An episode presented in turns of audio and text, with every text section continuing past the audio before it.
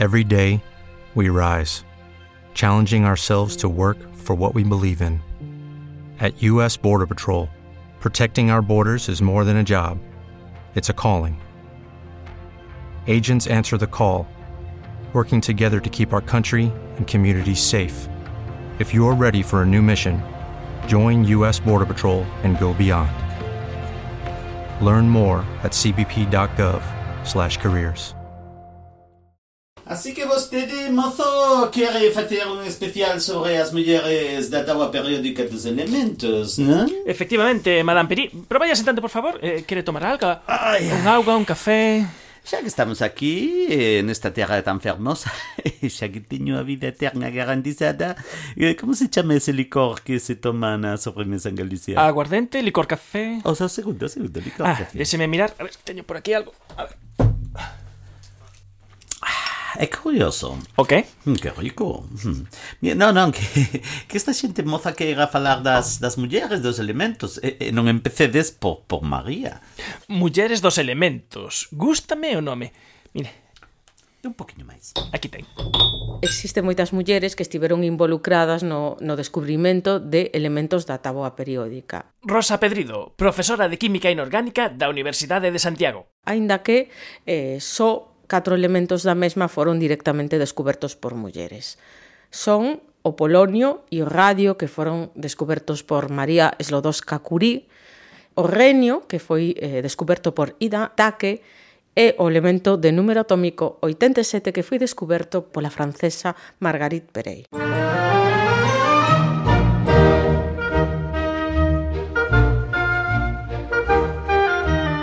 As grandes mentes da historia da humanidade repousan xa nos Camposantos, a dous metros baixo terra.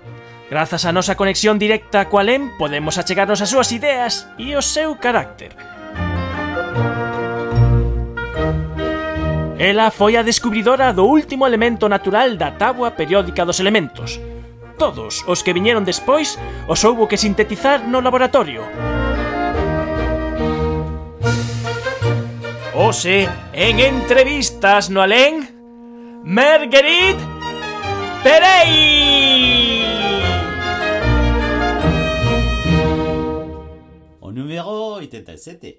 Achéguese máis, por favor, achéguese máis o micro. No, si, di, digo que descubrín o número 87 da táboa periódica nunha mena de lantano. Foi en 1939. Contaba entón vostede con 30 anos. Sí, sí, era unha nena nunha mena. O que chama a atención é que daquela vostede non tiña ningunha titulación académica. Certo, certo. E o único que tiña era un curso de laboratorio químico na Escola de Ensino da Ensinanza Técnica Femenina. Unha especie de FP, para entendémonos, non? Eh, pero na Francia... Para que logo digan que a formación profesional non vale para nada. No, tes, tens toda a razón. Eu de nena quería estudar medicina, pero na casa non había un triste franco. E, e, e logo da morte do meu pai... Pff, pior aínda. A miña nai non lle gustaba, polo menos ao principio que fixera a formación eh, esa de técnico de laboratorio, pero son chetei muda e conseguino. O primeiro traballo que tiven era por tres meses nun centro de investigación, no 29, bueno, no 1929. Eh, non me diga máis, que temos a grabación do seu primeiro día. non pode ser. Ai, que vergonha. Escoite, escoite. Ai, ai, ai. Bos días, eh, buscaba o laboratorio B03? Ola, o laboratorio está no andar 2 por esa escaleira, logo que coller un corredor longo e na penúltima porta pasar ao pabillón B. Tiras, tiras e tiras e onde vexas unha pequena librería... Aí está Ai, por que estarei tan nerviosa? Se queres, acompaño. Ah, mo moitas grazas, moi amable. Menos mal que atopei esta conserxe, senón que mal trago.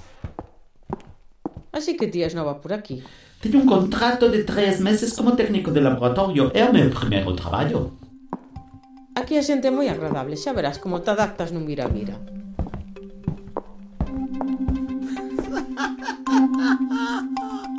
Es que yo por la su ropa pensaba que era conserje o algo así. Era María. E nada máis e nada menos que María Sklodowska, Marie Curie. Marie Curie, sí, que xa era directora do Instituto do Radio e que eu nin, nin no sabía. Daquela Curie xa tiña os seus dous premios nobles, o de Física de 1903 polos seus estudos da radioactividade e o de Química en 1911 por ter descoberto o radio e máis o polonio. Iso é Ai, perdón. Xa desde o primeiro día que enxeñamos empecé a traballar con ela e a aprender cousas novas cada día. Unha, unha experiencia, Manuel. Algo viría a Madame Curie en vostede para facela a súa axudante persoal. Traballar moito e querer aprender. Non sei se está ben que eu diga isto, pero é certo, foi así. Para min foi todo un orgullo que confiara en min para que lle preparase as súas mostras prácticamente adoptoume, casi casi como unha filla. Foron cinco anos moi intensos, pero fermosísimos. Cinco anos nos que acompaña no traballo a Marie Curie día tras día ata a súa morte. Ajá. O que ia ser un traballo de tres meses convértense en anos de dedicación. Tra a morte de Curie, segue a traballar no Instituto do Radio de París as ordes do seu director e de Irene Joliot Curie a filla de Marie. Exactamente, foi naquela época cando todos andábamos á pescuda do descubrimento do elemento do número atómico 87. Dos 92 elementos da tábua periódica que existen na Terra, faltaba un por descubrir.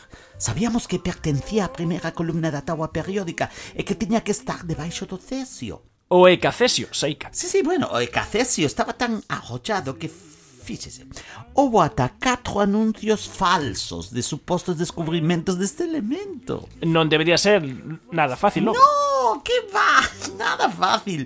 Todos andaban a procesar toneladas de minerais de torio na pescuda do isótopo 224 do Ecacesio, pero iso era misión imposible.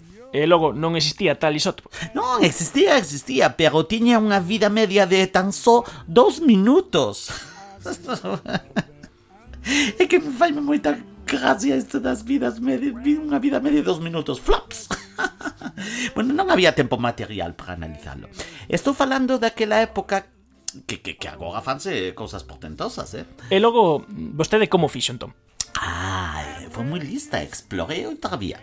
Nun mineral de lantano que continha actinio, dime conta que existía unha vía de desintegración que debía pasar polo isótopo 223 do ecafesio.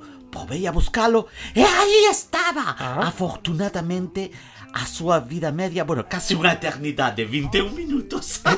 21 minutos. Aínda así había que ser rápida no laboratorio para facer a oh, caracterización. como corre caminos, fugindo do coyote. Sí, sí, non che digo que non, sí, sí, había que ser moi rápida, claro. Esto funciona, ¿eh? Ay, este está, está riquísimo.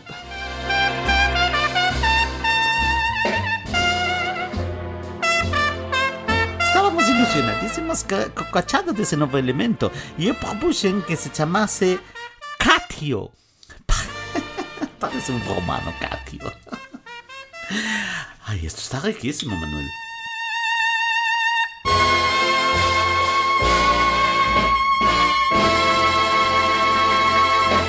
A primeira proposta para chamarle a este novo elemento foi o de catio.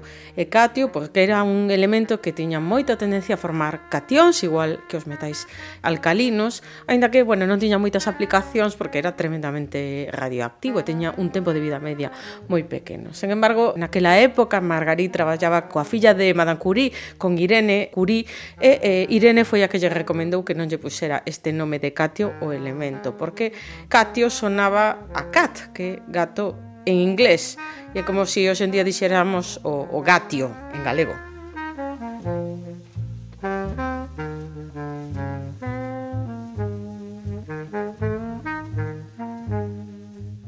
No Instituto do Radio tamén estaban que chutaban con ese novo elemento. Uh! E aí nace a proposta de que é un achado ideal para que vostede lea a súa tese de doutoramento. Pero non podía. sen titulación universitaria. Non tiña nin o bacharelato. Obrigaronme a deixar o laboratorio para que asistise a cursos seleccionados para mí na Sorbona, xa que tiña que facer o bacharelato e a carreira a carta de, de, de, de, de, de, de xeito express. E finalmente, no 46, lee a súa tese de doutoramento. Sí, finalmente. Tese que remata así. O nome, nome Francio, Francio fa, fa é proposto para o lugar 87 da tábua periódica. Un brindis, toma. Francio fa è proposto para oligar 87 da tábua periódica.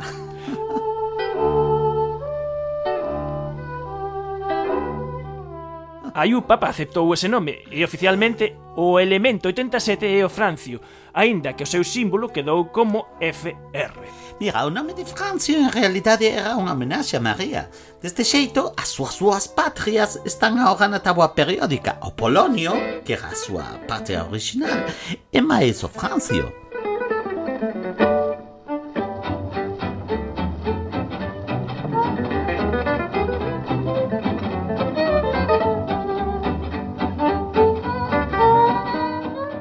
colofón a todo isto podemos dicir que Margarit Perey foi unha especie de terceira filla de Madame Curie, porque traballou durante os últimos anos de vida de, de Marie Curie codo a codo con ela, eh, descubriu un novo elemento e ademais conseguiu unha cousa que non conseguiu Madame Curie, que foi entrar na Academia Francesa das Ciencias. Realmente, a filla de, de Madame Curie, Irene, cando Margarit defendeu a súa tese, dixo «Oxe, miña nai teríase sentido tremendamente feliz».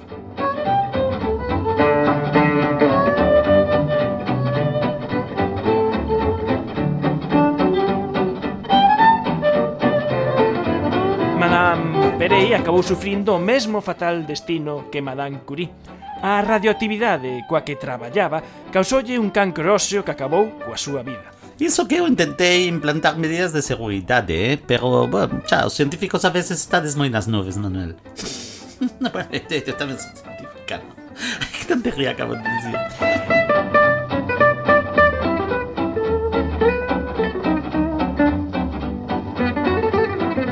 Margarit Perey, a descubridora do Francio, de como unha técnico de laboratorios en estudos acabou descubrindo un novo elemento.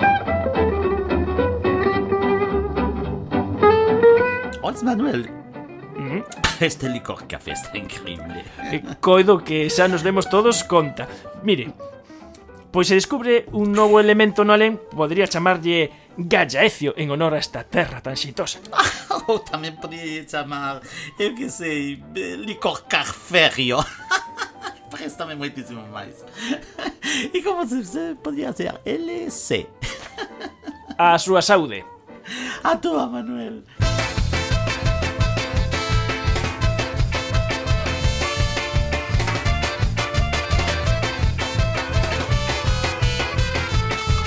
Diego Montag, Diego Montag, la la la la la la la la, licor, tonero, café, ¿cómo era eso?